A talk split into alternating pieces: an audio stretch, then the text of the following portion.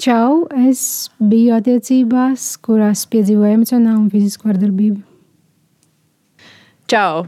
Uh, šis ir podkāsts Grēks nesūdzēties. Man ir prieks, ka tu klausies jau mūsu trešo epizodi. Es esmu uh, Anna. Un es esmu Monta. Mēs joprojām studējam Stadiņu universitātē. Mēs esam topošās žurnālistas. Mēs esam gatavi runāt par problēmām sabiedrībā, kuras var šķist nērtas un sāpīgas. Tomēr tās ir ļoti svarīgas.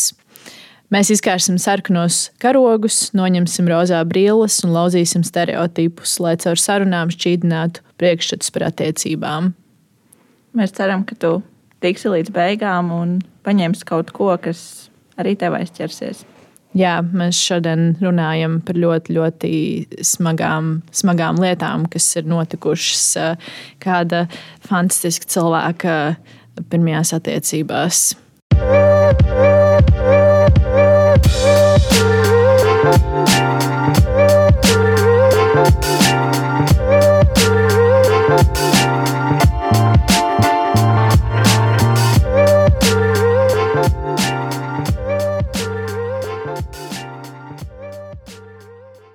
Kā jūs iepazināties? mm, es tā kā patiesībā, ja man kāds būtu pateicis tajā momentā, kad es viņu ieraudzīju, kad viss būs tā, kā bija, es nekad dzīvē nenocētu. Jo tā kā, nu, sanāk, viņš atnāca uz manu klasi, uz manu skolu, un viņš ienāca klasē, un bija tāds, es nevarēju parunāt, viņš bija tik smuks, nopietni. Viņš tajā laikā vēl nelietoja neko, un viss bija kārtībā, un viņš bija tik smuks, man bija tāds, mm, nu, man vajag būt ar viņu kopā. Un, lai es kādreiz dzīvē vēl kaut ko tādu pateiktu, ne, mm, nu, jā, mēs. Nu, viņš ienāca klasē, man bija tāds, nu, jā, man karaču vajag ar viņu būt kopā. Es nezinu, kāpēc man bija tāda slima vajadzība vienkārši. Un es piepildīju to vajadzību. Uh, nu jā, mēs sākām runāt, un mūsu kopīgais saskarsmes punkts bija tas, ka mēs abi bīpējām. Ļoti labs saskarsmes punkts. Tad jūs satikāties pīpētavājiem. Jā, nu, mēs aizgājām kopā uz pīpēt, un tad mēs sākām runāt. Un kaut ko, un kaut ko. Un, kā, protams, ka viņam neuzbāzos. Man bija tāds, nu, ķipa, mēs runājam, runājam. Kā, viņš, ar, viņš izrādīja uzmanību. Ļoti acīm redzami, izrādīja uzmanību. Nu, kā jau puiši izrāda uzmanību. Vat. Un, nu, jā, mēs runājam, mēs sākām sarakstīties. Mēs pievienojam viens otru snapchatā un visur un tā tālāk. Un tā kā sākumā mums bija tā tāda super draudzība, bet ļoti ātri pārgāju uz nedraudzību. Jā, cik ātri? Oh, mēnesis, varbūt pat, pat ne mēnesis, varbūt trīs nedēļas reāli. Mēs, viņš super ātri to visu kustināja. No, no vienas puses man bija tāds, wow, jei, uzņēmīgs puisis. Net, neteikšu, ka viņš ir vīrietis. Uh, tas viņš nav. Bet nu, jā, man bija tāds, ah, ok, nu, ķipa, nu, tu kontrolē situāciju. Un, uh, jā, un tad mēs kaut kā nu, mēs nekad nebijām norunājuši to, ka mēs būsim kopā, bet mūsu draudzība kustējās uz nedraugu pusi, uz attiecību pusi. Mēs kā kaut kā vienā dienā sapratām to, ka uh, mums ir attraction un karoči, jā, mēs sākām būt kopā. Un super neilgi pēc tam, drīzāk pirms tam, es uzzināju to, ka viņa ir meitene. Bet tāds, wait, bet es negribu būt nekam pa vidu, saproti? Es negribu būt meitene, kas izjūtas attiecības un tā tā. Es negribu, man nevajag to. Tad pārlieku liela atbildība man nevajag. Un, jā, un viņš tāds, čipa, nē, mēs neesam kopā, tāds, bet tu teici, ka tev ir meitene. Ko, es īstenībā nesapratu kā, to situāciju. Un tad kā, tas eskalējās tā, ka uh, es uzrakstīju tajā meitenei. Man bija tāds, hei, jūs esat kopā vai ne? Viņa tāda, nu jā, jau divus gadus man bija tāds, uš, nē, es neuzņemšu to atbildību. Es kaut kā ļoti nehronoloģiski stāstu, bet, nu, jā. Uh, un tad es tā kā sarakstījos ar meiteni, bet es neteicu to, ka man viņš patīk. Ļoti patīk. Es neteicu, es vienkārši pajautāju, nu, jā. O, un tad viņš tā kā izšķīrās ar viņu. Un, obviously, viņa nojauta, viņa nav stulba, meitenes nav stulbas. Viņa nojauta to, ka, nu, es esmu problēma. Uh, un, jā, un viņš viņai neteica. Viņš tā kā full on gaslaitoja arī viņu. Viņš jau teica, to, ka, ģipa, jā, es tev vairs nemīlu, bla, bla, bla. bla. Un man bija tāds, ok, un viņa sāka, tas bija briesmīgi. Viņa man full un draudēja. Viņa bija no Bolderājas. Bolderāja ir bailīgākais rajons manā skatījumā pasaulē. Un viņa bija no Bolderājas. Man bija tāds, I swear to God. Un, jā, viņa man draudēja, un tad pieslēdzās viņas māsa, un tad viņas kopistiski man draudēja. Ļoti patīkama pieredze. Viņš kā, centās izdarīt tā, lai viņas liek man mieru. Un tad, eventually, divu mēnešu laikā, jā, viņas atšķirās no manis, bet viņas meklēja mani, viņas gribēja atbraukt, atrast mani, nezinu, nost mani. Jā. Bet tajā laikā, kad viņas tev draudēja, jūs ar to puisi bijāt kopā? Vai? Mēs vēl nebijām. Mēs, jā, es nedaudz nehronoloģiski stāstu. Mēs, mēs tieši bijām tajā pārejas posmā mm -hmm. uz attiecībām. Un kā, nu, kā mēs runājām, un es to uzzināju. Viņš kaut kā, zina, tā kā casually to pieminēja. Ģipa, nu, jā, starp citu, man ir meitene. Mm -hmm. Tu negribēji to pateikt sākumā? Jā. Jo tas ir nu, svarīgi detaļa, es domāju. Tas būtu, man liekas, viens no pirmajiem sarkanajiem karodziņiem tajā visā situācijā. Jā, es, tie, es tieši gribēju pieminēt to, ka, kā, ka tam vajadzētu būt manam pirmajam zvaniņam, bet man bija vislielākās pasaules rozā brilles. Un, man liekas, ka man vienkārši bija jāuzsājas bāžas, tāpēc, es neko nedzirdēju realitātē. Un, jā, nu, un tad mēs sākām būt kopā. Uh, nu, tās, tā meitene ar to māsu pamazām atšuvās no manis. Sākumā viss bija tā forši, labi. Uh, nu, nebija labi, bet uh, man likās, ka viss ir kārtībā. Principā, kā, nu, kas var nebūt kārtībā? Ja mēs tiekamies katru dienu, un viss ir kārtībā, un blā, blā. Un mēs runājam, un it kā es pat sāku uzcēties viņam, lai gan es esmu cilvēks, kurš uzcēlās tā kā. Nu, tev ir jāpaiet simt tūkstoši gadiem, lai es te uzticētos. Bet, nu, labi. Uh, un, jā, un tad, uh, nu, protams, ka attiecībās svarīgi detaļa ir arī seks. Un viņš sāk, kā vienā momentā viņam sākās nežēlīgs, kā psihotisks spiediens uz tieši to tēmu. Un kā mēs par to runājam, es teicu, ka, nu, jā, obviously kaut kad bet ne tagad. Es absolūti nejūtos gatava, man ir bail, es negribu ļoti, nē, tai visai tēmai. Un viņš tā kā sākumā viņš teica, ka, ok, yes, I get it.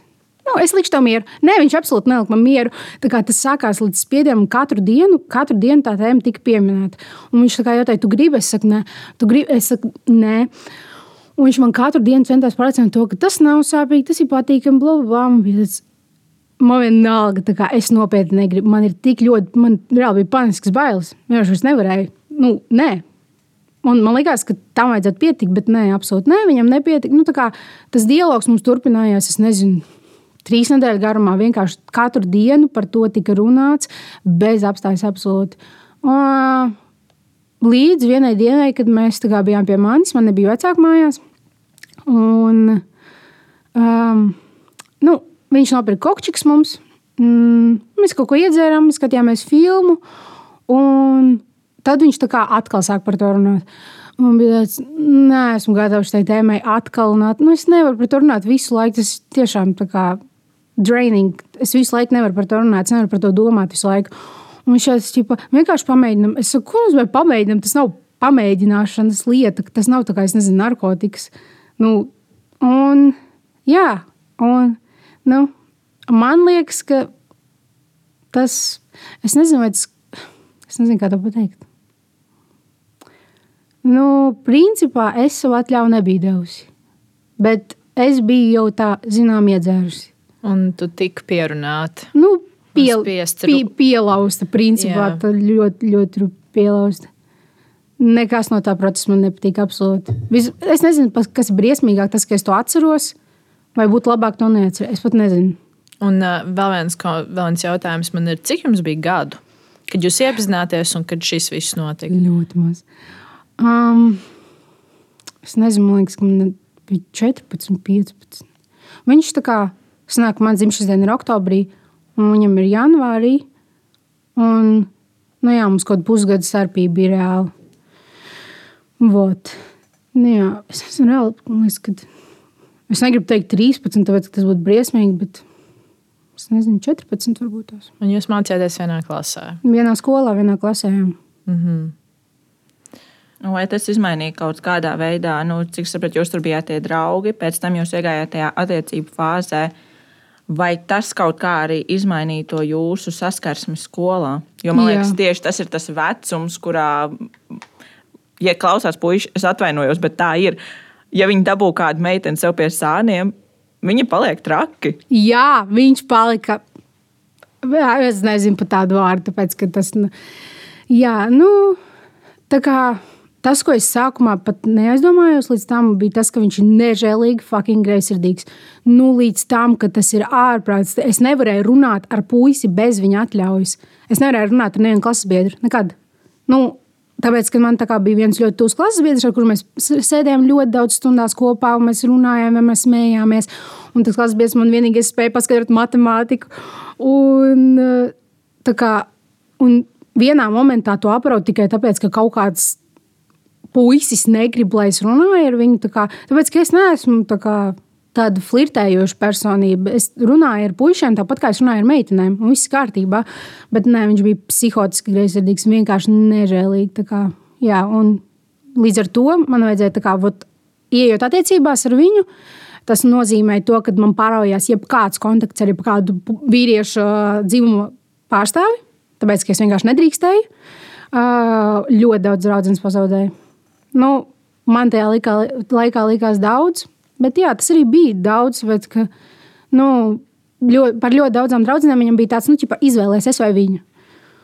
Un man bija tāds, bet kāpēc jāizvēlas? Kāpēc es nevaru tā kā, nu, būt kopā ar tevi un draudzēties ar savu draugu, ar kuru draudzējos ilgu laiku pirms es tevi satiku? Nu, tas bija. Jā. Uh, Visstrakākais droši vien bija tad, kad mēs bijām sastrīdējušies. un Mēs atnācām uz skolu. Un, nu, es smagi pārnesu visādus strīdus. Man ir riebs, kad kliedz uz mani, man ir riebs strīdēties. Man gribās ātrāk visu izzināt. A viņam bija tā kā silent treatment. Tas ir tas, kā viņš tika galā ar problēmām. Un, jā. That makes of us. Jā, man arī bija ļoti līdzīgi iepriekšējās attiecībās, ka es arī es esmu. Um, man patīk risināt problēmas uh, uzreiz un tūlīt, un uh, man nepatīk strīdēties. Um, nē, nu strīdēties normāli. Visi attiecībās strīdās. Vienīgais runa ir par to, kā tie strīdi norit un, un kā jūs ar to problēmu tiekat galā. Bet uh, man arī ar bijušo puisi bija tāpatās, ka es tā kā gribēju, hei, what's up? Un tad uh, viņš ar mani nerunāja. Un, uh, jā, tas viss novada līdz roku pacelšanai un tādām lietām. Tā kā, jā, es saprotu tevi. Jā, tas silent treatment going strong. Tāpēc, ka viņ, viņš tā kā varēja ignorēt mani full on for days.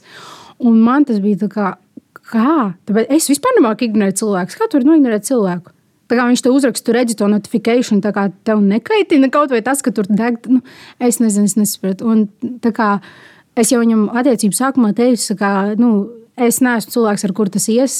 Kā, ar kuru tas strādās, tāpēc, ka nezinu, man vajag runāt attiecībās, communications. Tas ir nu, bez tā, nu, kādas attiecības bez communication. Un jā, viņam bija tāds, nē, vienkārši absolūti nē. Un viņš turpināja to silent treatment. Un kā jūs tās problēmas risinājāt? Kā, kā tas notika? Uh, ar viņa manipulāciju. Katrā strīdā, mans uzskats ir tas, ka jebkurā gadījumā strīdā ir vainīgi abi. Bet vienmēr vienam ir vai, lielāka vainas sajūta. Viņš vienmēr, ir, viens vienmēr būs atbildīgāks nedaudz par to problēmu. Bet ar viņu, nē, ar viņu vienmēr strīdos bija vainīgs viņš. Nē, labi, protams, ka biju es arī vainīgs. Es netaisīšu sev pa baltu un pūkainu. Bet jā, viņš ar savu manipulāciju panāca to, ka kā, katrā strīdā atvainojas. Katrā, nu, par jebko tas strīds varēja būt. Par, par to, nezinu, kurš nometa nazi. un Tā būtu vienmēr es absolūti. Nu, nekad nebūs tā, ka viņš pie kaut kā ir vainīgs. Tad viņš uz tevi. Nu, tu teici, ka tu iepriekš minēji, ka viņš ir vainīgs, bet tad drīzāk varbūt sajauci vārdus. Nu, viņš tā kā tev pataisīja par vainīgu katrā strīdā. Jā, viņ, jā tas tas, ko es domāju. Jā. Nu, jā, tad viņš izmantoja to iespēju manipulēt. Jo, nu, kā tu teici, tev bija trakās rozā brilles. Un tas ir kaut kā zemapziņā mēs jūtam. Jebkurš jūt, ka otrs cilvēkam nu, ir iespēja bišķi varbūt kaut kā pagrozīt, jo tāpēc, ka ir simpātijas un mīlestība un vispārējais. Un viņš spied pa visām pogām, ko viņš varēja uzspiest. Nu, zem, tā, zem tā es vispār nejūtu, ka tā ir manipulācija. Zem tā man bija tāds, nu, ok, varbūt viņš vienkārši nezina, nemāķi atzīt sev. Es rīktīgi attaisnoju. Tas, at this point, it's embarrassing, tāpēc, ka es vienkārši visā attaisnoju viņu. Tā kā, nu, man uh, teica draudzenes, ka jā, nu, tas nav normāli, tā nevajag būt, nevienās attiecībās tas tā nestrādā. Un man bija tāds, nu, zini, nē. Varbūt viņam vienkārši šis, varbūt viņam vienkārši tas, zina, kā problēmas ģimene un vēl kaut kas, un traumas. Un Nu, viņš, es, viņš vienkārši izmantoja to, ka tu esi problēma risinātāja cilvēks, un uh, viņš uzspieda to. Viņš redzēja tevī vājo vietu un izmantoja, iemanipulēja tevi tajā visā iekšā. Jā, viņam bija vieglāk saprast to, ka nu, es varu klusēt, viņa man paskries pakaļ, es varu pateikt visu, viņa mēģinās risināt, un beigās viņa būs vainīga. exactly. nu, ļoti ērta pozīcija, ja tā padomā. Tā kā, nu, kas tev ir jādara? Tev vienkārši ir jānoliek cilvēks pretīgā pozīcijā, un tev vienkārši ir, nu, drīzāk nav jārunā ar viņu. Viss. Mm -hmm. Un viņam tā pozīcija bija super ērta. Jā, man liekas, tas ir tā, tā ir lielākā problēma. Jo es vienkārši biju līdzcilvēks, uh, sit- nu, arī attiecībām, kuras bija ļoti toksiskas. Un, uh, tur arī bija tik daudz tas uh, silent treatment, ka tur gāja tiešām arī nu, kā nerunā. Un man, un, lai man piedod, bet man bija jāklausās tas, ka ar mani atkal nerunā, atkal dusmīgi uz mani un viss pārējais. Un tad, nu, tas nav forši, un tā ir tik ārta situācija tam vainīgajam. Jā, Tavā, tavā gadījumā tev tas bija no meitenes puses. Nu, nevis tev, bet uh, Jā, tajā attiecībām, kurām es tur biju līdzcilvēks, kurš atbalstīja, jā, tā bija meitene, kur taisīja to silent treatment. Un, jā, un, un kas bija kaut kādas. Uh, Tagad es runāju ar mūsu ciemiņu, kas bija tās, varbūt vēl kaut kādi, kaut kādi indikātori, kas tev lika justies slikti. Mm, Es pat nevaru nosaukt vienu lietu, tajā tur bija miljonus lietas. Jā, viss sākās ar to manipulāciju, ko es obviously neredzēju. Un pēc tam viss sākās ar tādu šausmīgāko kontroli par manu dzīvi. Nu, man, es, es nedzīvoju savu dzīvi, viņš dzīvoja manu dzīvi un savu dzīvi. Man katru vakaru reāli tika pārbaudīts telefons. Nu, Fulām pārbaudījis, tā kā viņš būtu mans vecāks. Uh, es nedrīkstēju čatot ar nevienu. Viņš bloķēja manā vietā cilvēkus, nu, mauslī puišus, obviously. Viņš bloķēja manas draudzenes, kuras man teica to, ka, nu, kuras, kuras man deva tos zvaniņus. Uh, hello, uh, mm -mm, nav labi. Uh, un, un, un, un, un, jā, nu, pilnīgākā kontrola par manu dzīvi. Tas, tas, jā, tas viens no vislielākajiem red flags, ka kā tu vairs nedzīvo savu dzīvi, ka tev par visu katru savu soli jāatskaitās. Ja es nezinu, es pēc skolas aizgāju kaut kur satikties ar kādu draugu, man bija jāatskaitās, kur es esmu, ar ko es esmu. Dažreiz bija jāsūta bildes ar to, ka es esmu kā pierādījums to, ka es esmu ar to draugu. Uh, un jā, nu, nu, pēc tam sākās tā rokas pacelšana. Tā pirmā reize tas, tas, bija, tas bija briesmīgi. Viņš, viņš bija. Viņš bija ne, ne tikai mana pirmā reize seksuāli, viņš bija mana pirmā panikas lēkme, kas bija, man liekas, ka nu, es fulonu viņu vainoju tajā pilnībā. Tas, kad es tagad līdz šai dien, dienai dzīvoju ar to. Uh, bija tā, ka mēs bijām pie viņa ciemos, viņam nebija vecāku mājās. Uh, un mēs kaut ko, mēs kaut ko ākstījāmies, mēs kaut ko, es nezinu, es gribēju pārkārtot istabu, es bīdīju to dīvānu. Kaut, kaut kā, es pat nesapratu, kā tā situācija eskalējās līdz tam. Vienkārši, jā, viņš gulēja tā dīvāna, un bija tāds vienkārši noja malā reāli uz divām sekundēm. Es pārbīdīšu dīvānu, nu, viņš bija tāda rīktīgā kā sācija, viņš negribēja, viņš nedarīja. Uh, jā, un viņš tā kā gulēja tā dīvāna. Un es, kā, es paliku, sā- sāku palikt jau dusmīgi, tāpēc, man bija tāds, nu, kā, kāpēc tu nevari uz divām sekundēm piecelties. Es neko no tevis vairāk neprasu. Vienkārši ļauj man pārbīdīt to stulbo dīvānu. Un, un tad es, es kaut ko viņam pateicu, to, ka viņš ir kaut nu, ko sliktu vārdu viņam pateicis, bet neko pārāk rūpju. Uh, un, jā, un tad viņš man iest pļauku. Nu, Viņam bija tik smaga roka, es nekad dzīvē neaizmirsīšu to, to sitienu. Es kā nu, nokritu uz zemes no tā sitiena. Un tad sākās mana pirmā panikas lēkme. Es to sapratu tikai pēc ļoti ilga laika. Nu, kaut kad nesen es sapratu, to, ka tā bija mana pirmā panikas lēkme. Un, jā, Un kas tālāk notika uh, pēc tam, kad viņš tev iesita? nu, es tā kā nokritu, es piecēlos, es sāku trīcēt tajā pašā sekundē, tāpēc ka es tā nesapratu, to, vai tas bija reāli tas, kas notika. Jo nu, nav, tā, tā nav lieta, ko tu gaidi. Tā nav lieta, tā kā, kas liekas tev tāds, nu jā, tas kaut kas notiks. Nē. Uh, es, es atceros, ka viņš apsēdos stūrī, Un es sēdēju, es raudēju histēriski. Ne jau no sāpēm, vienkārši no tā šoka, ka tas vispār notika. Tāpēc, es nevarēju aptvert vienkārši. Tāpēc, es viņu biju idealizējis savā galvā līdz tam, kad viņš, nezinu, viņš pat neatvēsētos nekad dzīvē uz mani. Uh, un, jā, es histēriski sāku raudāt, viņš man nāca klāt. Es baidījos pat no, nu, viņš man stāvēja, viņš nāca uz manu pusi, trīcēja no bailēm, no tā, ka viņš nāca uz manu pusi. Man bija bail vienkārši tajā momentā. Uh, Uh, un viņš mēģināja nomierināt, viņš mēģināja apskaut. Es, es nopietni es viņu spēru prom no sevis, tāpēc, es nevarēju, negribēju, lai viņš man pieskrās, lai viņš uz mani skatās, lai viņš elpo uz mani. Nu, elpo vienkārši vienu gaisu, ko es elpoju tajā momentā. Un, jā, es kaut kādu pusotru stundu nevarēju nomierināties. Man, kā, es, es, es, man jau pašai sāpēja raudāt vienkārši. Un tad es kaut kā nomierinājos, eventually. Un Viņš visu to laiku, man nomierināja, viņš teica, ka es tā negribēju, bla, bla, bla, piedod un tā tālāk. Ja tu negribēji, tad kāpēc tu to darīji? Nu, labi. uh, jā, tad es nomierinājos. Mm, un es teicu, to, ka es gribu braukt mājās. Vai arī kā minimums būt kā, vismaz stundu prom no viņa, tāpēc es nevarēju paskatīties viņam acīs. Uh, un, jā, viņš man nelaida. Es, kā, es vienkārši teicu, ķipa, es mierīgi to kā, centos paskaidrot cilvēkam. Es saku, es gribu aiziet, pastaigāties, kā minimums, ļauj man vienkārši pastaigāties. Tāpēc, ka, nu, atkal man bija jā, jājautā viņa atļauja visās lietās. Nu, es gribu aiziet uz veikalu, man jāatskaitās viņam, tāpēc, ka mūsu obviously bija lokācijas. Nu, tas ir, man liekas, pašsaprotama lieta, ka viņam vajadzēja redzēt, kur es esmu vienmēr. Un, jā, Un viņš man nelaida staigāties, viņš man nelaida uz mājām. Es teicu, to, ka es negribu šodien palikt pa nakti. Es, nu, es vienkārši nevaru, es negribu. Nu, kāpēc? Nesaprotu. Uh, un, jā, un tad viņš, viņš man nepalaida prom. Un man tajā visā histēriskajā stāvoklī, ka man vēl vienkārši jābūt visu laiku blakus cilvēkam, uh, man, nu jā, es vienkārši aizmigu. Nu, no vienkārši no tā visa, no tā visa tas panikas. Jā, nu, vienkārši no, tā, no tās trauksmes, no tā, ka tu vienkārši esi tik saspringts, ka tev vairs nav spēka neko darīt. Un jā, tā bija pirmā reize. Un cik ilgi attiecībās jūs esat bijāt bijuši, kad viņš to viesita? Kad trīs mēneši, četri mēneši. Wow. Not even a year. Tā kā, nu, zini, kāpēc tu visas savas kārtas izmet uz mani, visas savas mīnus. Nu, tu pagaidītu vismaz. Es nezinu, nu, labi, tas tas tūp teikt. Bet, jā.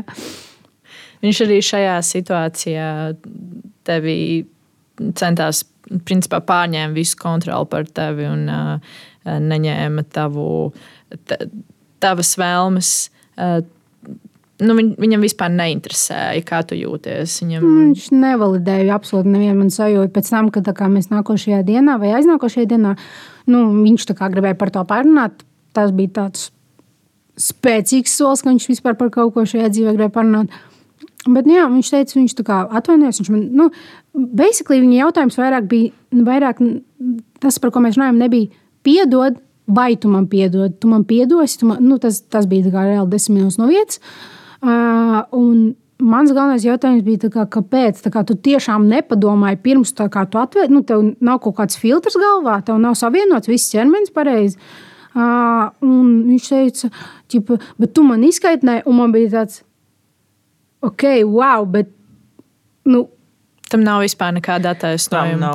Tam reāli, nu, kā, ko nozīmē, tu man izskaidroji. Nav attaisnojuma, kur tu vari sievietei iesist. Vispār, nu, jebkuram iesist vienkārši tāpatās, tāpēc, ka redziet, tev izskaidroja cilvēks. Man arī daudz kaitīt. Es taču nesit, nesit, nesit pa labi, pa kreisi visiem. Jā. Uh, kāda viņam bija situācija ģimenē? Tas ir tas stāsts uz veselu stundu.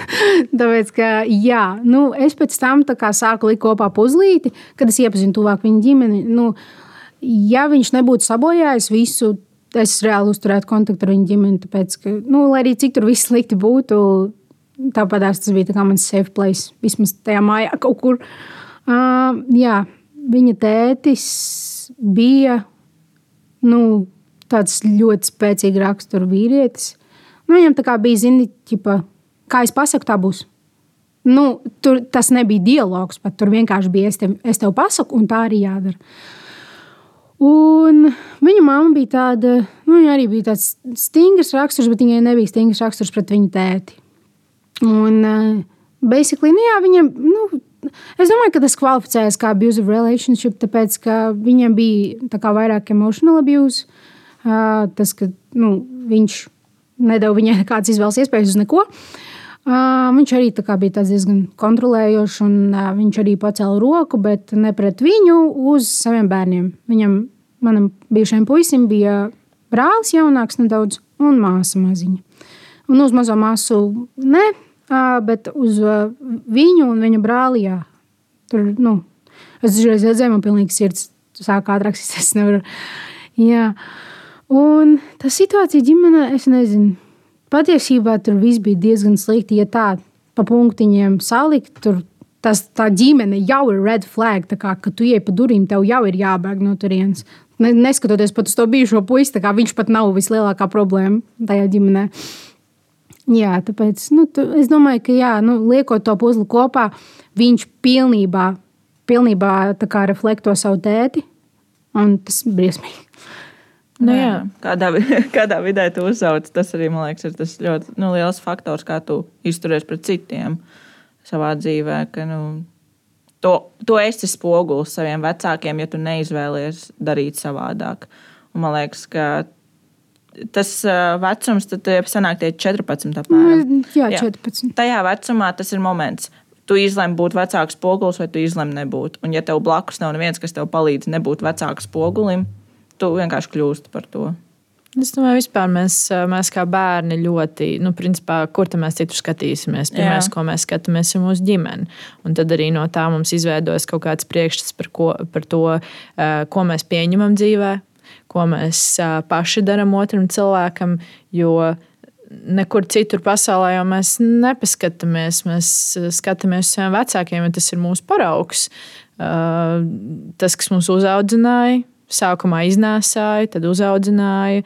Un, um, tāpēc arī viņam šķita normāli pacelt roku pret tevi, tāpēc ka viņš redzēja, ka tavs. Te, uh, nevis tavs, bet viņa tētis uh, arī pret viņu pacēla roku. Un, hei, tas taču ir uh, tik ļoti normāli parādīt uh, savu uh, statusu ka es esmu augšā un tu esi lejā. Un, un ja tu gribi pakāpties bišķi augstāk, tad uh, es to gribu parādīt, ka tā nevarēs darīt.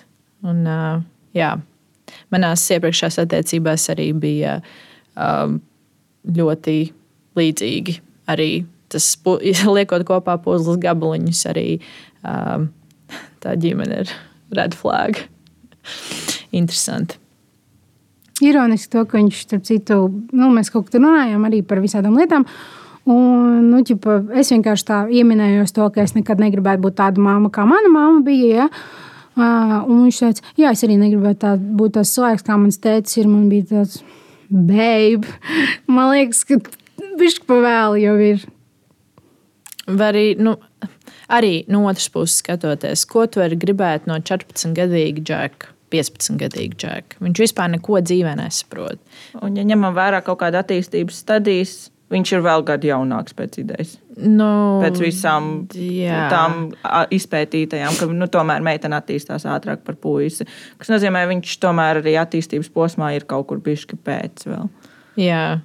Mēs nekādā veidā attaisnot viņu rīcību. Nē, tas vispār nav kā attaisnot. Tas ir vienkārši tā, ka parādīt, ka nu, līdz ar to viņš nevarēja vēl tā. Viņ, viņš, viņam vienkārši nebija tik daudz kapacitātes smadzenēs. Lai, jā.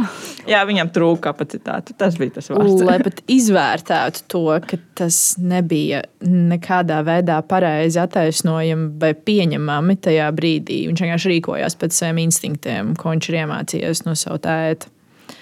Uh, jā. Un kas tālāk notika? Mm, pēc tam mums bija tā tāds grūts periods attiecībās. Tāpēc, ka tā kā, es nu, tajā reizē, kad nu, es pieminēju to, ka mēs runājām par to, uh, nu, jā, viņš tā kā atvainojās. Mm -hmm, paldies par atvainošanos. Uh, un, jā, un viņš tā kā, nu, basically tā saruna beidzās ar to, ka, uh, ka ķipa esmu mainīga. Ja?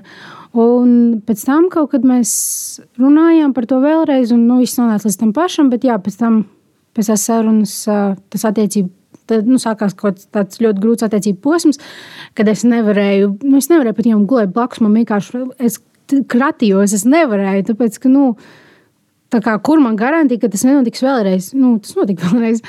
Mm, bet, nu, jā, ļoti grūts attiecību posms. Es neuzticējos viņam, es negribēju runāt ar viņu, man nebija par ko runāt ar viņu. Un viņš kā, gribēja dabūt atpakaļ to uzticību, un man bija tāds, nu, saprot, ka tas ir, kā tu izjauci visu, ko tu uzbūvēji. Nu, pēc kam? Kā, un ar tik stūbu lietu, tas, nu, pēc kam? Jā, un kaut kā, es pat nezinu, cik bija tas laika posms, bet tā laika gaitā, Jā, man, nu, es domāju, nu, es arī atkal sāku attaisnot. Man bija tāds, nu, zin, ka varbūt es tiešām viņu tik ļoti izkaitināju, ka, nu, ka viņš neatrada citu izēju. Tagad tas manās acīs izklausās debīli. Man bija tāds, mm, nav nekas, kas attaisno. Bet, nu, jā, tad man bija tāds, nu, full on, man bija tāds, bet, nu, reāli, varbūt es tiešām biju problēma. Nu, ķipa, un tad es kaut kā varbūt sāku atlaist to situāciju Un, eh, jā, un tad tās attiecības kustējās uz priekšu. Mēs, kā, mēs pat neko nedarījām.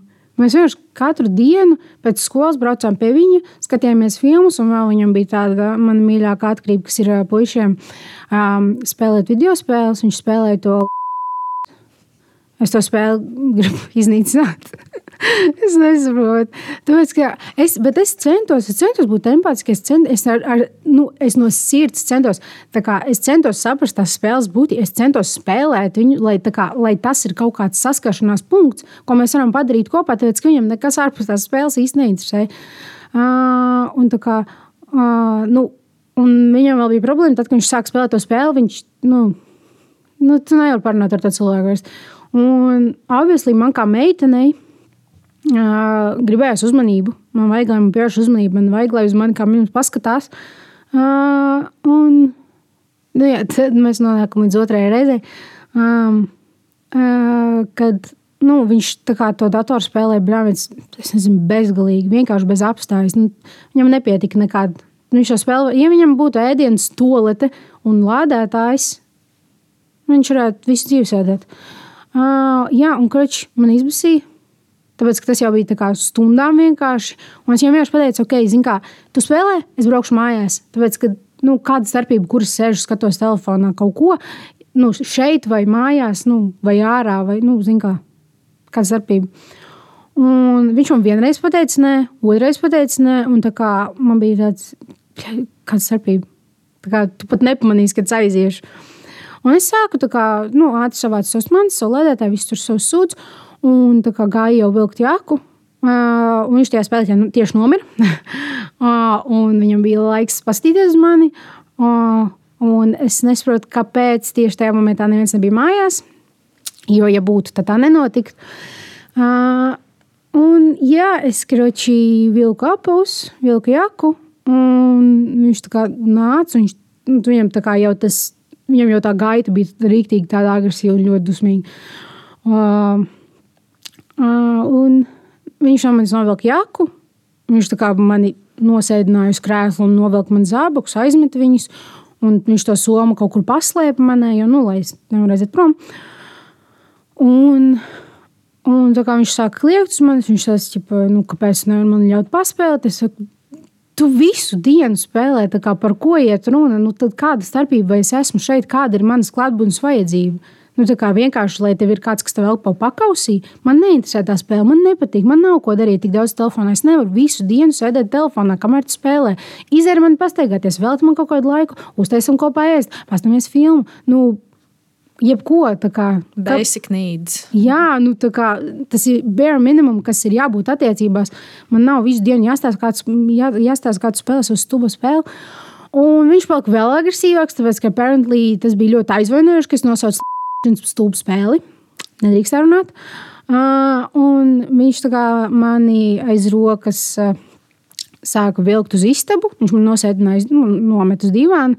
Uh, viņš teica, sēdi un gaidi, kad mēs pabeigšu spēli. Es saku, bet tu nespēlē vienu spēli, tu spēlē vairāk spēļu.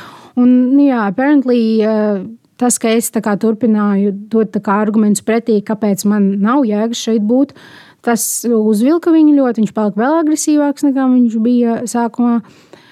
Un tad, kā, tad viņš. Oh, tā, okay. um, tad viņš paņēma krēslu un viņš kā, gribēja man iemest, man, bet viņš apzināti aizmet garām pirmo reizi. Un es tad jau sāku trīcēt, man bija tāds, ok, wow, nice. Um, mēs atkārtojam vēsturi, vai kas no tāpēc man likās, ka reāli tā, tā būs viena reize. Ģipa, nu, nu, ģipa, tu saprati savu kļūdu vai kaut kas tāds. Bet nē, uh, pēc tam viņš paņēma to krēslu, un viņš nolika savam krēslam blakus pie datora. Viņš man sāka vilkt aiz rokas, viņš man tajā dienā aizmirst roku. Uh, Viņš man sāka vilkt aiz rokas, viņš man nosēdināja sev blakus. Es jau tajā brīdī biju full un histērijā, tāpēc man bija bail no viņa nākošā soļa. Tāpēc, ka nu, neparedzams cilvēks absolūti tādā agresijas stāvoklī, ko tu vari gaidīt, ko, kā, kā tu vari zināt, ko viņš darīs. Un viņš man tā kā nosēdināja blakus, un viņš tāds, ķipa, sēdi skaties. Mm, Un es kā tajā histērijā, es vienkārši sāku liekt viņam, es saku, es negribu, man kā, man tiešām pilnīgi nospļauties ir. Nu, kā man absolūti neinteresē, ko tu dari, ko tu spēlē, es vienkārši gribu projām. Nu, kā tu nesaproti, nu, godu vārds. Un, nu, no vienas puses, varbūt tā bija mana kļūda, varbūt tā bija kā provokācija viņam, viņa acīs, bet stil tas neko neattaisno, jo, nu, jā. Karoči, es, nu, es sēdēju blakus, un viņam bija tā kompija kaste. Es nezinu, kā tas sūta saucās. Dators. Jā.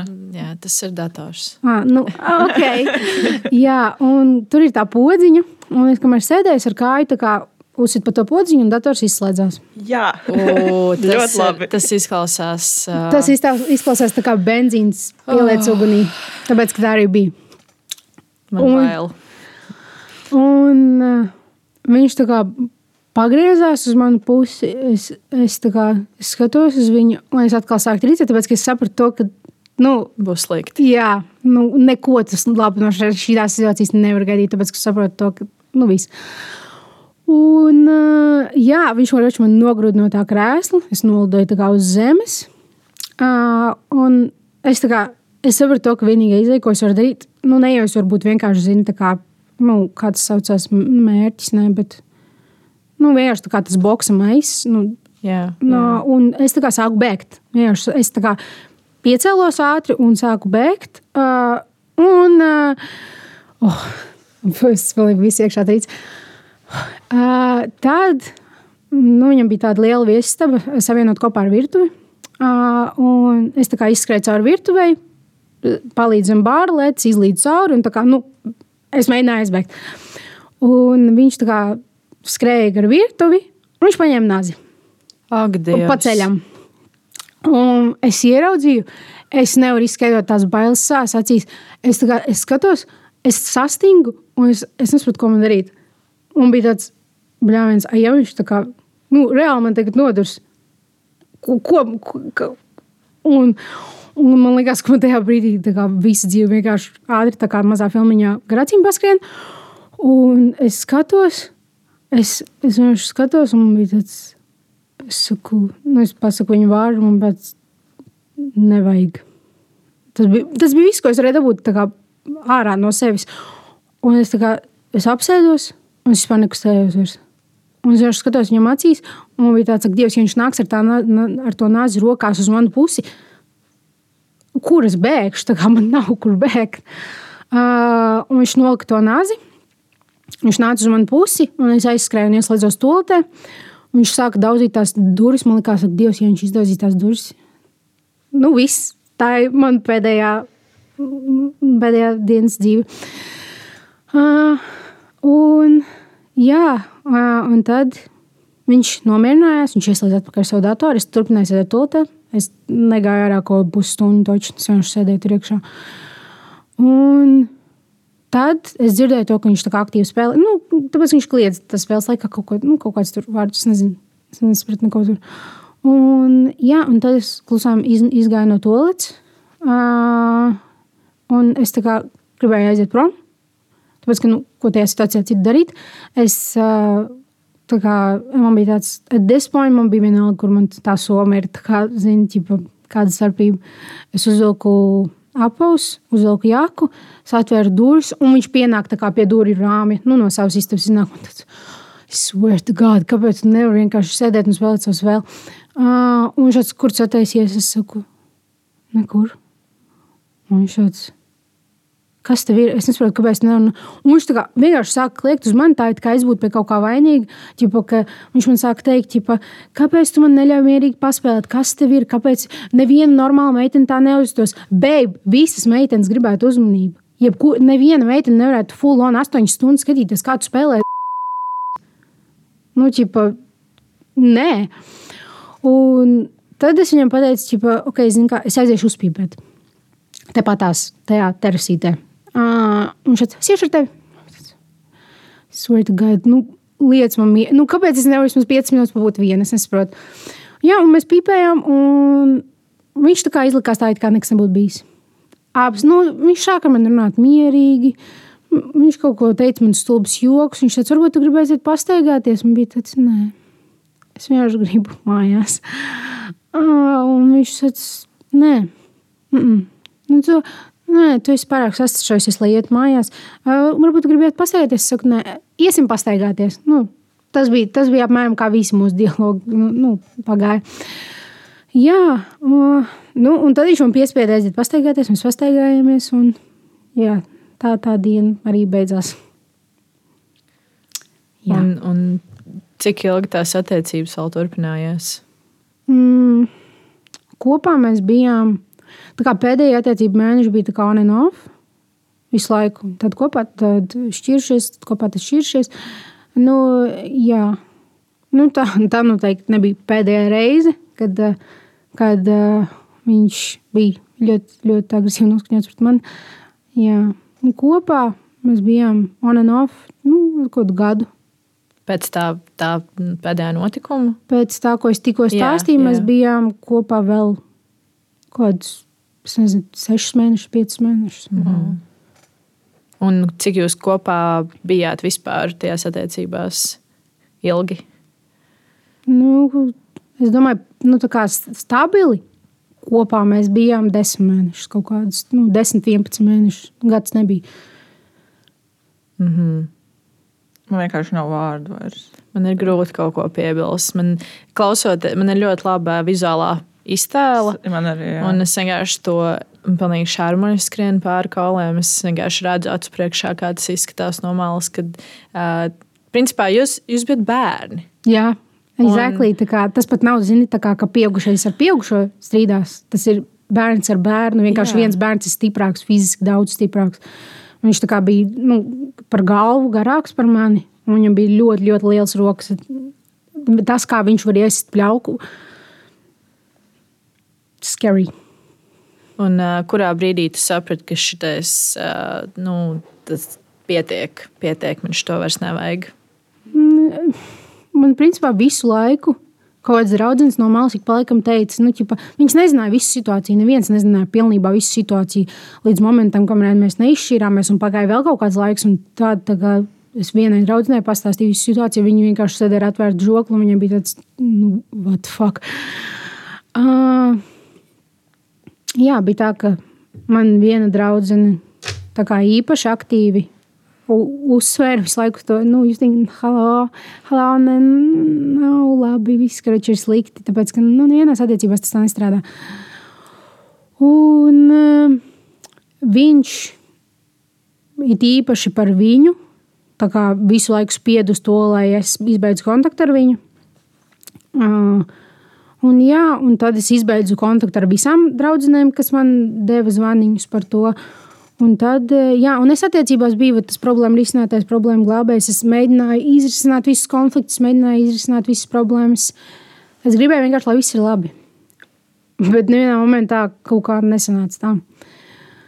Uh, bija tā, ka tad, kad man jau apriebās rakstīt ar kilometrā, kilometrāžu tekstus par to, ka Es saprotu, ka tev ir grūti, un es saprotu, ka viss šī tā, un uh, es gribu, lai mums viss kārtībā, un es vienkārši šo visu laiku rakstīju. Nu, nu, tu, es vienkārši mēģināju izlabot problēmas, un kaut kādā momentā es pat nesaprotu, kāpēc.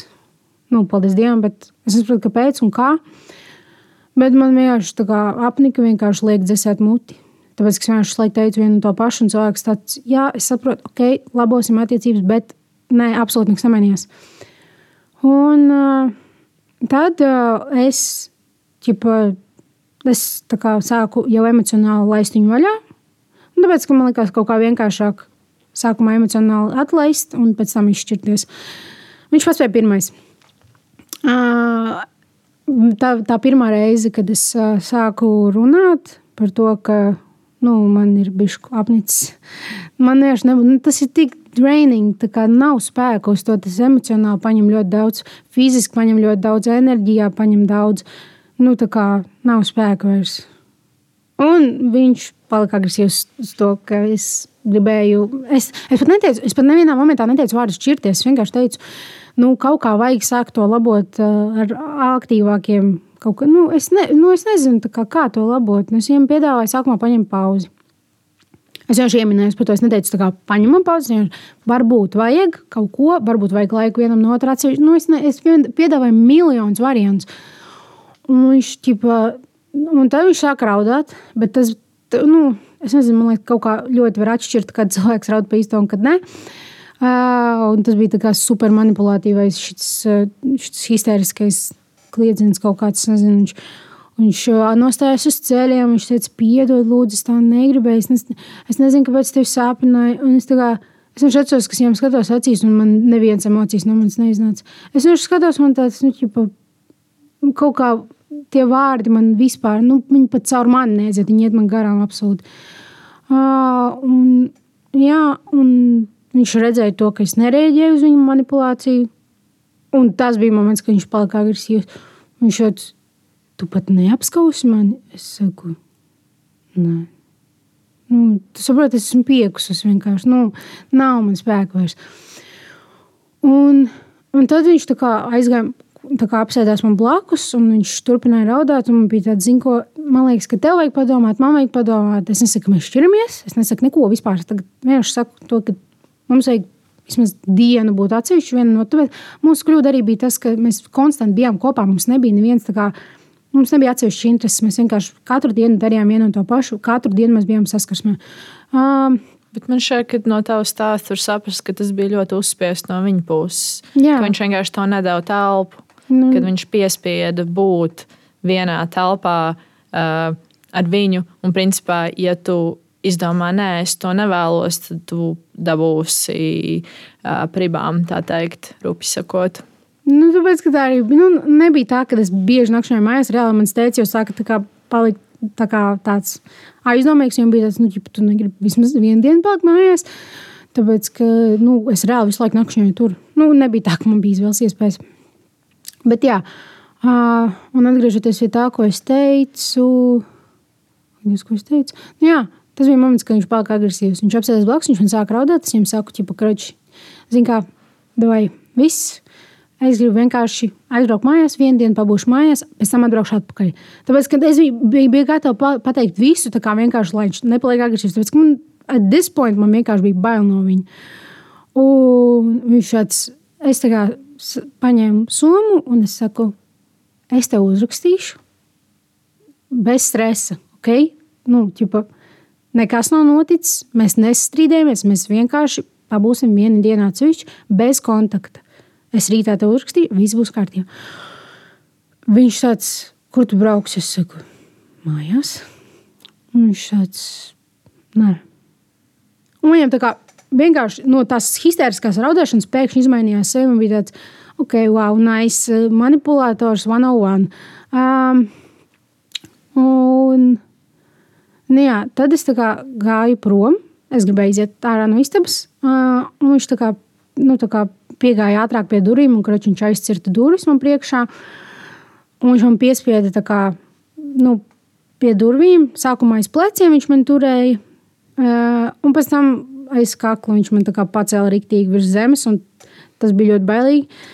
Uh, uh, jā, un viņš kroķī man teica, nu, tu neies prom, tev nav kur iet. Un viņam sākās vienkārši Es pat nesapratu, kā, no kurienes tas nāca. Viņš vienkārši sāka man teikt to, ko viņš man nekad nebija teicis. Ja tu nevienam neesi vajadzīgs, tu nevienu neatradīsi. Kā, neviens tevi, par tevi tā nerūpēsies, kā es rūpēties. Tad tāds, es ceru, ka nē. Jā, sēm. Nu, tu zini, ko nozīmē rūpēties. Ok, parādi, ko tas nozīmē. Okay, jā, un es tajā momentā, nu, es, es skatījos, viņu, es vienkārši trīcēju tajā momentā. Es pat nerādīju. Man, es vienkārši skatījos, un man bija tāds, nu, man vienkārši, es mēģināju paredzēt, kas notiks nākošais. Un viņš man turēja tā kā aiz kakla līdz momentam, kamēr es uh, nesāku tā kā smakt nost. Un viņš man palaida. Uh, es tā kā nokritu uz zemes, un man vēl bija tādi zilumi uz kakla, es nezināju, ar ko noslēpt. Tas bija briesmīgi. Es tā kā staigāju visu laiku uz skolu ar turtlenekiem, un, nu, karoči, briesmīgi. Un, nu, es sēdēju uz zemes. Un viņam tā kā kaut kāds, tā kā, es nezinu, mūžs viņam ir reāli kaut kādas personības dalīšanās, varbūt tas ir šizofrēnija. Es nevienu nediagnosticēju, bet uh, Izklausās, tas nav labi. Jā, bet tāpēc, ka tā kā pēc klikšķa viņš vienkārši viņš tāds, tā kā pietupjās pie manis. Viņš tāds, piedod, lūdzu, nezinu, kas uznāca uz manis. Tād.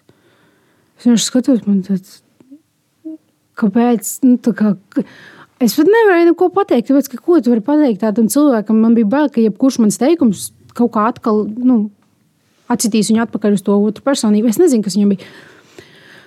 Un, jā, pēc tam Viņš aizmiga tajā visā emociju uzplūdumā.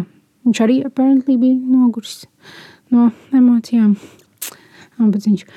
Mm, un pēc tam es aizbraucu mājās. Nekad dzīvē neesmu nevienu dienu tā nožēlojis, kā es nožēloju to dienu. Tāpēc, kad uh, viņš, nu, es sapratu to, ka, uh, karoči, vajag vajag aizbraukt pēc mantām. Tāpēc, ka, nu, es jau sapratu, to, ka tas ir viss. Nu, tur pat nevajag aprunāt šo jautājumu, kad tas ir viss. Mana kļūda droši vien bija tas, ka es aizbraucu vienu. Jā, nekad, nekad nedariet to vienu pašu, lai ir kāds mājās vai ņemat līdzi uh, cilvēkam, tu uzticies. Arī tāpat tās kā pirmā stāstā. Uh, pirmā stāsta stāstītāja, viņa arī uh, sagaidīja, kad viss ir mājās, un tad viņa to lietu izdarīja. Noteikti nedariet to. Un, ja, ja, ja nevar to darīt uh, um, mājās, tad aiziet uz kafejnīcu vai runājiet to publiskā vietā. Jā. Tur būs palīdzība. Vai vēl vienkārši aizsūtīt kādu citu, ja nejūtas vispār ērti to darot. Jā, nu, Jā. tāpēc, kad es sapratu, ka tā, tas, ka es jau tad nesavācu mantas, Un tas, ka es vispār atbraucu atpakaļ viena, tā, nu, tas nevienu dienu dzīvē neesmu tā nožēlojis. Nekad. Es krīču atbraucu. Um, pēc maniem aprēķiniem vispār viņam tajā laikā bija jābūt skolā, tāpēc ka es tajā dienā izlaidu skolu. Un es krīču atbraucu. Viņam vienmēr, kā viņam bija divstāvīga māja, un pirm, otrajā stāvā dzīvoja viņa visa ģimene, un pirmajā stāvā dzīvoja Amīte. Viņam vienmēr bija mājās. Nu, tāpēc kāda iespēja, ka es netikšu iekšā, maza. Um, un es krači atbraucu, es uh, paņēmu atslēgas, es eju augšā. Un es skatos, kā, nu, ķipa, nē, nav, nu, pa to lodziņu. Un viņš teica, ok, es ātri savākšu mans, un es tiedos projām. I swear to God, es nekad dzīvē tā neesmu nožēlojis neko. Es skaļi klusiņām atveru durvis, ieju iekšā, eju uz viņu istabu, un viņš tur sēž. Un es, es nopietni gribēju tajā momentā skriet prom. Es kā skatos, es saku, kāpēc neesmu skolā? Viņš tāds, es negribēju iet. Es saku, okay. Es sapratu to, ka nu, nav vairs varianti īsti. Un es saku, nu, es, man, man liekas, to, ka mums kaut kas neiet kopā. Un nu, mums vajag šķirties, manuprāt. Nu, tāpēc, ka viss slikti.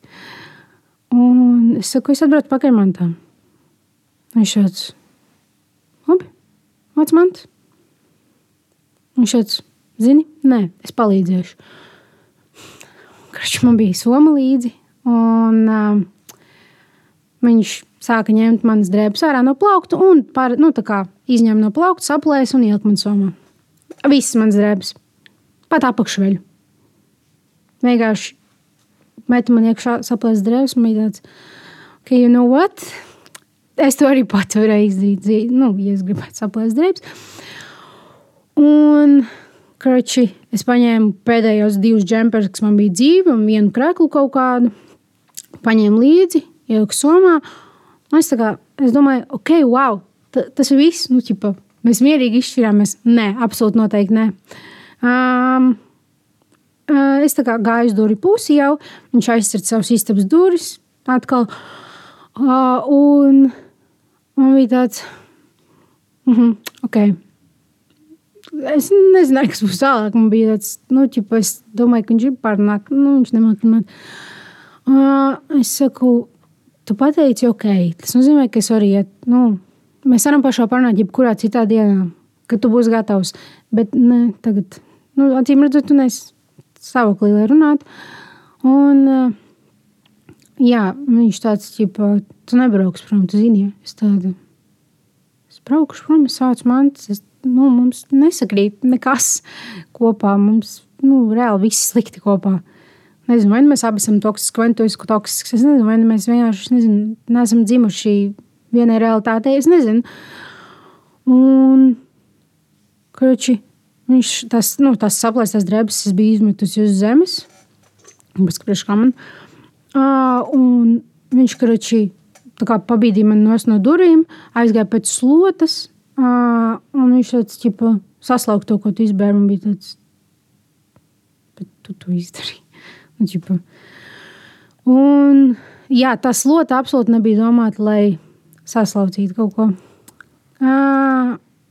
Es saku, es saku, es neslaucīšu. Nu, ne jau es to izdarīju. Nu, tas ir pirmkārt, otrkārt, nu, ķipa, škam. Uh, Un, jā, pēc tam viņš paņēma to slotu skātu, nu, kā ar nevis to birstas pusi, bet ar to slotu skātu. Un es biju vēl joprojām pie durvīm.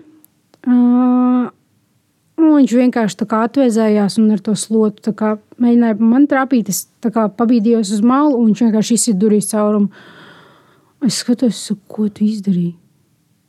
Viņš šāds, es nelaidīšu tevi prom, tu neiesi prom. Viņš sāk atkal to visu, ka tu neesi vajadzīgs, tu vispār esi resni, tu vispār esi pretīgi. Un tā tālāk, un tā tālāk. Tu vispār vajag sporta zelta, tev, tev nav uh, nekā, tev nav nekādas muskuļu masas, tev ir mazs dibens, tev ir šis un vienkārši tā kā par kaut kādu vienkārši mēslu sāk man kliegt. Es klausos, un man bija tāds, ka Dievs, es neko, es neko neteikšu tikai tāpēc, zin, kā, lai nedabūtu. Um, Un man bija tāds, ok, uh, es varu iet. Nu, tā kā, tāpēc, ka, nu, bet, ja jau esmu šī tāda un tāda un šī tāda, nu, tad kāpēc man jāpaliek? Nu, tad atrod sev savādāku, labāku, foršāku, smukāku. Es nezinu, nu, ķipa, tad priekš kam tā tādu. Un, uh, Viņš šāds, nē, man vajag tevi, bla, bla. Un tad viņš pāriet uz pavisam citu pusi. To, ka viņš sāk histēriski raudāt, to, ka viņam vajag mani, viņš man mīl, bla, bla, bla. bla. Un bija tas, ak, Dievs, pļāviens. Un, nu, obviously, es neaizbraucu nekur tajā dienā. Mm, man bija jāpaliek pa viņam pa nakti. Es naktī, kad viņš aizmiga, es aizgāju gulēt uz dīvānu, tāpēc, ka, nu, es nevarēju vienkārši. Un, jā. Mēs pēc tam vēl joprojām nebijām izšķīrušies kaut kādu mēnesi. Nu, tāpēc, ka mājās nelaiž cilvēks prom, tā kā es biju burtiski piesiet viņam. Es varēju mājās aizbraukt tikai, lai paņemtu mantas, bet viņš brauc vienmēr ar mani. Nu, lai pārliecinātos to, ka es vienmēr atbraukšu atpakaļ. Jā. Ironiski to, ka manam tētim nekad nebija laba sajūta par viņu. Dīvaini, kāpēc? Uh, jā. Nu, pēc tam es redzēju, to, ka viņš visu laiku sarakstās ar kādām meitenēm. Un tas man vienkārši nebija gresīgi. Man bija tāds, ka, nu, tu esi stulbs. Nu, what the fuck? Tā kā, tad kāpēc tu neļauj izšķirties man ar tevi? Re, kur tev ir čūpa ar meitenēm? Un ar čūpu es domāju, čūpa. Rekur, ķipa droši. Viņam pat bija Tinders ielādēts. Tā kā point, kā, kāda jēga attiecībām ir. Uh, Pag, cik viņam bija gadi? Kāds Tinders? Tinders 18. Plus. Viņš man... ātrā matemātika un ievada pareizo gadu. Es, uh, jā. Man nav ko teikt, man nav ko piebilst. Es pēc šī vienkārši esmu uz vārdiem. Man šķiet, ka man vienkārši šeit raudāts pilvenā. Es, man, man, tā kā, man, man nepatīk par to runāt, bet es saprotu, to, ka labāk, lai ir tā, ka kāds situācija atpazīst sevi vai saprot to, ko nedarīt nekādā gadījumā. Tāpēc, ka, nu jā. Kāds, kad, kas bija tas? Uh, Kas bija tas brīdis, kad tev bija viss, pietiek, viss, es tevi negribu vairs, un tas viss tiešām arī beidzās? Mm, tas bija pēc tam, kad viņš man, kā, ka viņš man piedāvāja paņemt pauzi, bet es to pauzi, kā es viņam pateicu, tā nebūs pauze, tas būs nu, visu gaišu. Un viņš teica, ok, man vienalga. Es saku, paldies Dievam!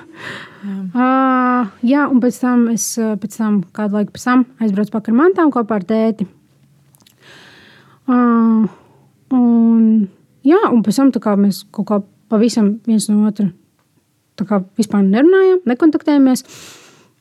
Un, uh, tad man liekas, ka bija kaut kāds, nezinu, kāds brīvlaiks, rudenis brīvlaiks, nē, ziemas. Es nezinu, kāds nebija jāiet uz skolu, karoči, paldies Dievam. Uh, un tad es staigāju ar draugu, un es nesaprotu, kāpēc. Tāpēc, ka viņš nekad tur nav. Bet viņš bija tajā vietā, kur mēs gājām garām.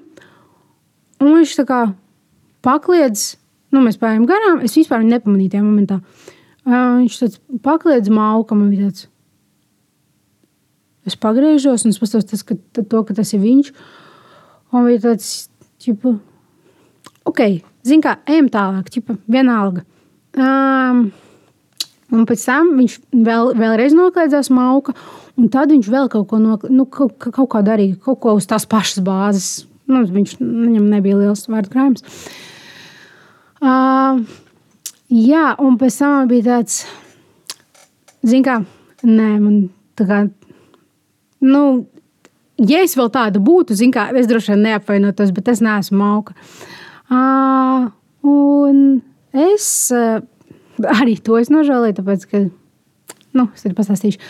Uh, es skaču pieeju pie viņas, saku, tu man par mauku nosauc nopietni. Tu nedomā, ka tu uzvedies kā mauka. Tu sarakstījies ar meitenēm, kā mēs bijām. Un es viņiem tā kā pa faktiem vienkārši teicu, visu, ko viņš izdarīja. Nu, ne visu pašā, kāpēc es viņu uzskatu par mauku.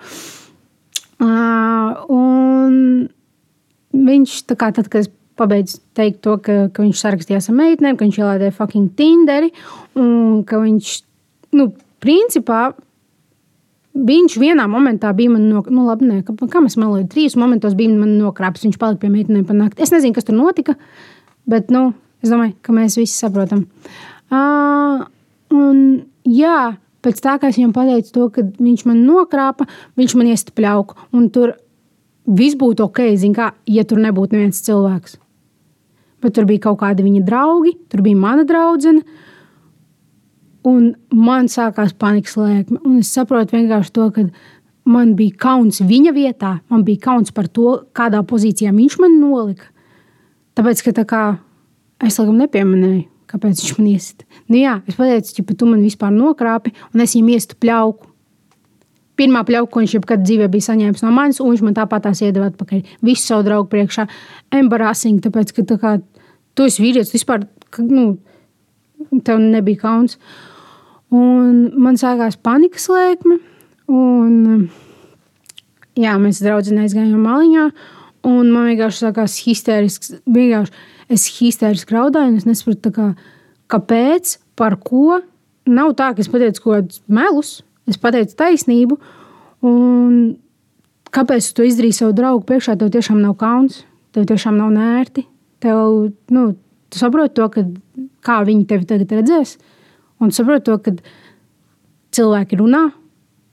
Un ok, tad, kad mēs bijām kopā, un tad, kad tas notika divi, tā neviens par to varēja nekad dzīvē neuzzināt. Bet tagad tu to uztaisīji principā par publisku problēmu. Un, protams, ka nākošajā dienā viss tas rajons sāk par to runāt. Tas bija vienkārši. Un tad kopš tā brīža jūs vairs nekādā veidā nekontaktējāties? Jā, nē, nu, es nezinu, kāpēc, bet viņam ir. Es saku, viņam kaut kāds problēmas nopietni. Tāpēc, ka viņš man ik pa laikam uzraksta. Man viņš joprojām? Jā. Līdz šai baltai dienai, nopietni. Un kāpēc tu viņu neesi nobuļķējis? Tur tā lieta. Uh, es viņu biju nobuļķējis visur. Uh, bet uh, es tā kā, nu, es ielaidu telegramu kādu laiku atpakaļ, nu, es nezinu, pirms gada vai diviem. Un, uh, nu, tā kā tu nevari nobuļķēt kādu, kas tur nav vēl. Mm, laika, es nezinu, Nevar, nu, jā. kaņā, jā, jā. Nu, jā, un viņš ielaidīja telegramu, un apparently viņš ieraudzīja to, ka es esmu telegramā, un viņš man uzrakstīja. Un viņš kaut kādā veidā, viņš taisa fake profilus, viņš atrod veidu, kā man uzrakstīt. Un tā kā, nu, ne jau kaut, kādu sūdu, viņš vienkārši grib pajautāt, tā kā, kā man iet. Es, es vienmēr saku, ir kārtībā. Es viņam vienmēr jautāju, kāpēc man raksti. Viņš teica, just checking up on you. Ok, well. Es swear to God, Deva Dusty, es vienkārši nesaprotu, kā cilvēkam var būt tik maz, es nezinu, kaut kāds self-awareness, vai es nezinu, kā to nosaukt. Bet uh, kā palika ar to, ka jūs mācījāties vienā klasē? Kāpēc tam tas viss pēc jūsu tās šķiršanās? Tā kā kāds no jums aizgāja kaut kur prom, citur mācīties? Jā, es bija tā, ka mēs tā kā, sanāk, tā bija astotā klase. Nu jā, astotajā klasē mēs abi izdomājām, nu, kad mēs abi bijām kopā, mēs iz- izdomājām iet kopā uz uh, citu skolu. Bet paldies Dievam, ka es nezinu, kā tā sakrita, bet paldies Dievam, ka tā sakrita. Uh, direktori izlēma mūs likt atsevišķās klasēs. Lai gan viņš nu, uzsvēra ļoti uz to, ka es gribu ar to un to meiteni būt vienā klasē. Viņi mūs sāka atsevišķās klasēs. Nu, jā, un tad mēs mācījāmies vienā skolā. Nu, tas bija diezgan briesmīgi, tāpēc, ka nu, man vēl projām bija. Man nesāpēja par to, ka mēs izšķirāmies. Man sāpēja par to visu, ko es pārdzīvoju. Man sāpēja katru dienu redzēt viņu. Man sāpēja tas, ka viņš man skatās acīs ar tādu stulbu smaidu. Un, nu, vienkārši sāpēja tas, ka es nevaru kā, būt nost no viņa, tāpēc, ka mēs mācāmies vienā skolā. Un, ja es viņu neredzētu, man droši vien tas periods paietu kaut kā vienkāršāk. Tāpēc, jā, nekad neiet ar puikiem vienā skolā, vienā klasē, tāpēc, ka beigsies slikti. Ar vismaz tādiem psihopātiem kā viņš, jā, nu, nevajag iet ar viņu vienā skolā. Pēc tam, kad tu izgāji tam visam cauri, eh, tu gāji pie terapeitiem, vai ko, tev bija kāds cilvēks, ar ko tu par to visu runāji, eh, kaut kādā veidā eh, sahīloji sevi, vai, vai kāds tas ceļš ir bijis pēc tam, šo visu gadu garumā, pēc šīm attiecībām. Mm, sākumā man bija. Sākumā, sākumā bija visbriesmīgākais, tāpēc, ka es raudāju bez apstājas skolā, mājās, pie draudzenes. Nu, man tajā momentā bija tā kā divas draudzenes, ar kurām es kontaktējos. Uh, un, nu, es nezinu, kā ir labi, ka tev ir atbalsts, bet, uh, nu, arī cik drāmas izklausītos, labāk visam tam iziet pašai cauri, vienai pašai vienkārši tik galā ar domām. Kā, nu, nu, es nezinu, cik tas ir veselīgi, jo tas nav veselīgi. Bet, jā, nē, viņa man palīdzēja, un es pašā tikai ar viņu ar to runāju, nu, ar vienu no viņām. Uh, bet, jā, nu, kaut kā man liekas, to, ka vienkārši ir laiks, es nomierinājos no tā visa. Un tad es tā, kā, tā vietā, lai es turpinātu par to visu pārdzīvot, man vienkāršāk bija saprast, kas, kā un kāpēc, un kas bija problēma, un kā tas viss bija, un kāpēc es tik ilgi, nu, kā, kāpēc tik ilgi attaisnoju cilvēku. Un, un tad es kaut kā, tad es ar draugu par to runāju, tad es ar vēl kādu draugu par to runāju. Un, uh, nu, kaut kā ar laiku es sapratu, to, ka tā bija manipulācija. To, ka cilvēks pats ir ar šausmīgu traumu, ka tas ir salauzts bērns, ka tas ir bērns, kurš redzēja, kā pret, vi, pret viņa māmu izturās un kā pret viņa ģimeni izturās, un ka viņš paņēma to uz sevi. Un, ka, nu, mana problēma bija tas, ka es mēģināju viņu izglābt no tā visa, ka es gribēju, ka es gribēju lai viņam viss ir kārtībā, lai viņš nav tāds, lai viņš neizaug par tādu, lai viņš savus bērnus neaudzina tā. Un, nu, lai viņam vienkārši ir kā kaut kāds tāds peace in mind, tāpēc, ka, nu, tāpēc, ka es nezinu, man liekas, ka es varu to izdarīt, bet uh, nē, red flag, ja tev ir jāglāb vīrietis, ui, sorry, puisis, uh, tad, tad nu, it's not worth it, tāpēc, ka tur nav ko glābt. Viņam, nu, ne, nu, mana kļūda bija tas, ka es neieraudzīju to, ka, ka viņam nav viss kārtībā, ne galvā, ne sirdī, ne prātā, nekur. Un tā kā es iegāju jau attiecībās, kurās vajag palīdzību, jau no pirmās sekundes. mēs atkal vēlreiz gribam uzsvērt, ka tu biji bērns. Un tu, uh, tev tikko ir sākušies pusauģi gadi un hormonu lido gaisos. Un, tev, es arī es 14 gados laikam, sagāju kopā ar puisi pirmo savu dzīvē, arī klases biedrs. Tur, tur nekas, man šķiet, ka es biju toksiski tajās attiecībās, jo vienā brīdī man viņš patika, vienā nepatika. Tur nebija nekāda roku cilāšana, tur vienkārši bija pusauģi kaut kādas stulbības. Um, Bet, uh, jā, tu tajā brīdī vispār ne, nedomā nekādu loģisku, nu, tev nekas loģiski neslēdzas. Galā tā kā man viņš patīk, viņš ir smuks, viņš ir attraktīvs, viņš ir harizmātisks, viņš ir tāds, viņš tur, nezinu, labi mācās, vai nu vienalga. Un kaut kur bija arī izskanējis kaut kāds uh, joks pirms kaut kādiem gadiem, ka Disneys mums ir sabojājis skatījumu uz attiecībām. Jo mēs paskatāmies vidusskolas mūzikls, piemēram. Un mēs bijām maziņi, kad mēs to ieraudzījām. Pusauģu gadi tiešām pats sākums, tu ieraugi. Un es tā gribu, es arī gribu tagad iemīlēt. Ir loģiski, tur ir tas, ko Anna teica tikko, ka tu vienkārši dabūji pirmo puisi, tev ir rozā brīvīts, un tad tur ir toksiski ir viss vienkārši tajā jā, brīdī. Jā, jā. Tev, ja tev nav bijis, ja tu pat arī sākumā stāstīji par to, ka tev ir šķirta ģimene, un tev nebija māma, kas tev parādīja, uh, um, kas varbūt ir labi, kas nav labi. Tā kā, nu, tur um, nu, man nav ko piebilst. Tas ir traki, tas ir traki, ka uh, tam jāiziet cauri. Un, bet tu esi bijusi terapija kādreiz? Mm, es, es kā, ik pa rītam līdz šim momentam projām aizdomājos. Nu, es diezgan pārliecināta, ka man vajadzētu vismaz vienu reizi aiziet, uh, parunāties. Uh, Tāpēc, ka es saprotu, to, ka kā, kā, tas jebkurā gadījumā ir milzīgs footprint uz visu tavu dzīvi. Tas nav kaut kas, ko tu vari aizmirst, tas nav kaut kas, no kā tu vari izārstēties. Tas nav, kā, nu, tas nav salauzt roka. Tas ir uh, footprint uz tavām nākošajām attiecībām, uz tavām nākošajām draudzībām, uz pilnīgi visu. Bet, uh, nezinu, es kaut kā, es laikam ļoti cenšos izdarīt visu pretēji tai meitenei, kas bija tāda lai es nedarītu nekādas stulbības, lai es nepieļautu kaut kādu pretīgu attieksmi pret sevi. Un, nē, es zinu, ka man vajag aiziet uz terapiju, man vajag simtprocentīgi. Bet es nezinu, es nezinu, kāpēc es, ne, es, nevaru, es nevaru atbildēt. Ja man pajautāt, kāpēc es neesmu joprojām aizgājis pēc visu tā laika, es nezinu. Nu, ir tā, cilvēki saka, ka mums jebkuram vajag iet uz terapiju. Mēs, uh, ļoti bieži īsti sevi līdz galam nesaprotam, un tāpēc mēs pieļaujam kaut kādas kļūdas, lielākas vai mazākas. Un, terapija ir labākais. Labākā izvēle man šeit savā dzīvē, ko es esmu izdarījusi. Un, um, tu iepriekš savā stāstā minēji, ka uh, nu, kā, kad tu stāstīji to situāciju, tad tu teici, es nesaprotu, kāpēc tu tā dari, es nesaprotu, kāpēc tu tā dari. Un man terapeits pateica to, ka tev nevajag saprast, kāpēc viņš tā dara. Tev nevajag to saprast. Viņš to ir izdarījis, un viss. Un, ok, labi, tu, tu tālāk tā domā par to šķetinu, to situāciju. Tu saproti, ka viņa vecāki ir tādi, viņš no tā ņēma piemēru, bla, bla, bla. Bet, uh, um, Bet tev, nu, tev nevajag attaisnot vai saprast varmākas. Tev nevajag uh, sa attaisnot un saprast viņa uh, pretīgo un pazemojošo, un nezinu, vēl kādos sliktos vārdos varētu noslau, nosaukt šo rīcību. Um, jo tad, kad tas ir izdarīts, tad nu, viss, viss tas ir izdarīts. Man liekas, ka to, kāpēc es jautāju tieši tāpēc, lai attaisnotu. Nu, es, es pat nezinu, kāpēc, nu, kā, kā, kāds būtu iemesls, kāpēc man.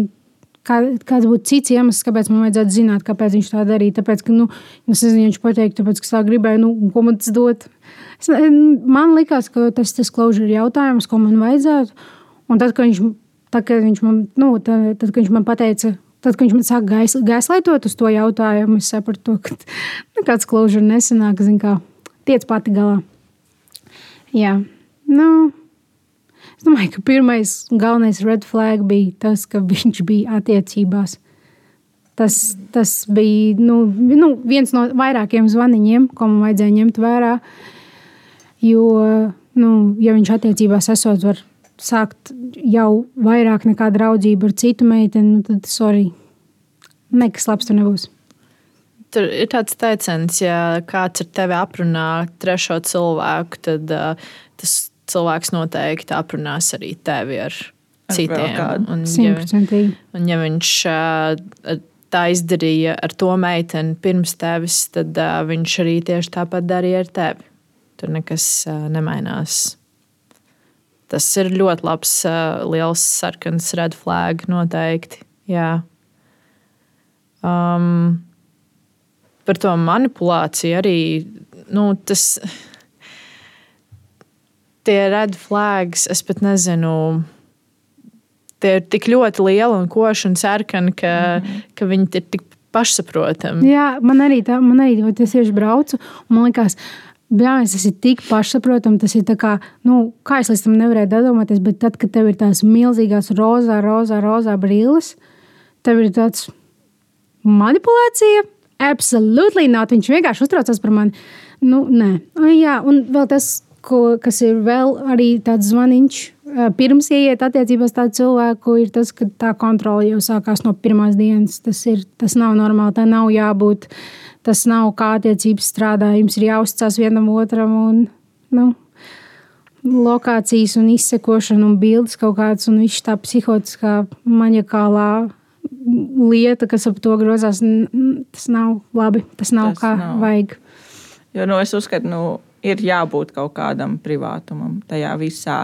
Tu nevari vienmēr zināt, kur atrodas tas otrs cilvēks. Tur nu, nevajag, nevajag zināt. Nevajag. Man pašai pietiek par ko uztraukties. Kāpēc lai es uztrauktos, kur vēl ir otrs cilvēks? Tad tas nozīmē, es nezinu, es saprotu, vecāku uztrauktos tik ļoti. Ok, tas ir vecāka instinkts, tā tam ir jābūt. Bet kāpēc lai tavu otru pusī tik ļoti dedzīgi uztrauktos? Labi, es saprotu, ja tu brauc kaut kur tiešām Es neesmu bijusi Bolderājā. Man nav nejausmas, kurā Rīgas galā ir. Es atzīšos. Tas ir bailīgs rajonus. es saprotu, kā brauc uz Bolderāju. Tu pasaki, jo tas ir bīstams rajons. Bet kāpēc lai es teiktu, ka es braucu uz centru, ja es braucu vienkārši nezinu, pēc kafijas kaut vai? Nu, ja man nav pašai vēlme to teikt, tad man arī tas nav jāsaka. Un es uzskatu, ka tas arī tiešām nu, nav jābūt tādai kontrolē, ka tev ir jāsūta savus live locations, jāsūta trakās bildes, ar ko tu esi kopā un visam pārējiem. Mm ja nav vēlams to darīt, tas nav jādara obligāti. Es uh, vēl gribēju pateikt, uh, kas uh, ļoti svarīgi, ka, ja notiek jebkāda veida vardarbība, grūšana, piespiešana pie sienas, stingrāka paņemšana aiz rokas, nedod dievu žņaukšana, sišanas, pļauku sišana, vienalga, jebkāda veida fiziska vardarbība, arī emocionāla zvaniet policijai. Pirmā lieta - zvaniet policijai. Obligāti. Noteikti. Es saprotu, ka tajā brīdī tev galva ir vienkārši. Tur notiek karuseļi tavā galvā, un tu neko vispār skaidri nevari uztvert. Bet, um, bet uh, pirmais instinkts ir meklēt palīdzību no ārpuses. Un kaut kā kliegt. Es nezinu, tu teici, ka to tromīti, nu, nevis tā, bet viņa māmīte bija mājās visu laiku. Jā. Ja tu zini, ka tev kāds ir mājās, vienkārši kliedz no visas savas sirds, uh, lai tev nāk palīdzēt, um, jā, esat, uh, esat uh, gudri un uh, sargājiet sevi. Paldies, ka noklausījāties šo epizodi. Es domāju, ka arī tev kādā brīdī palika mute vaļā, un žoklis tiešām nokārās par to, uz ko cilvēks vispār ir spējīgs un ko viņš var izdarīt. Mans skudriņš skrēja. Tas bija briesmīgi. Es, kā, es biju šokā, man nebija vārdu brīžiem.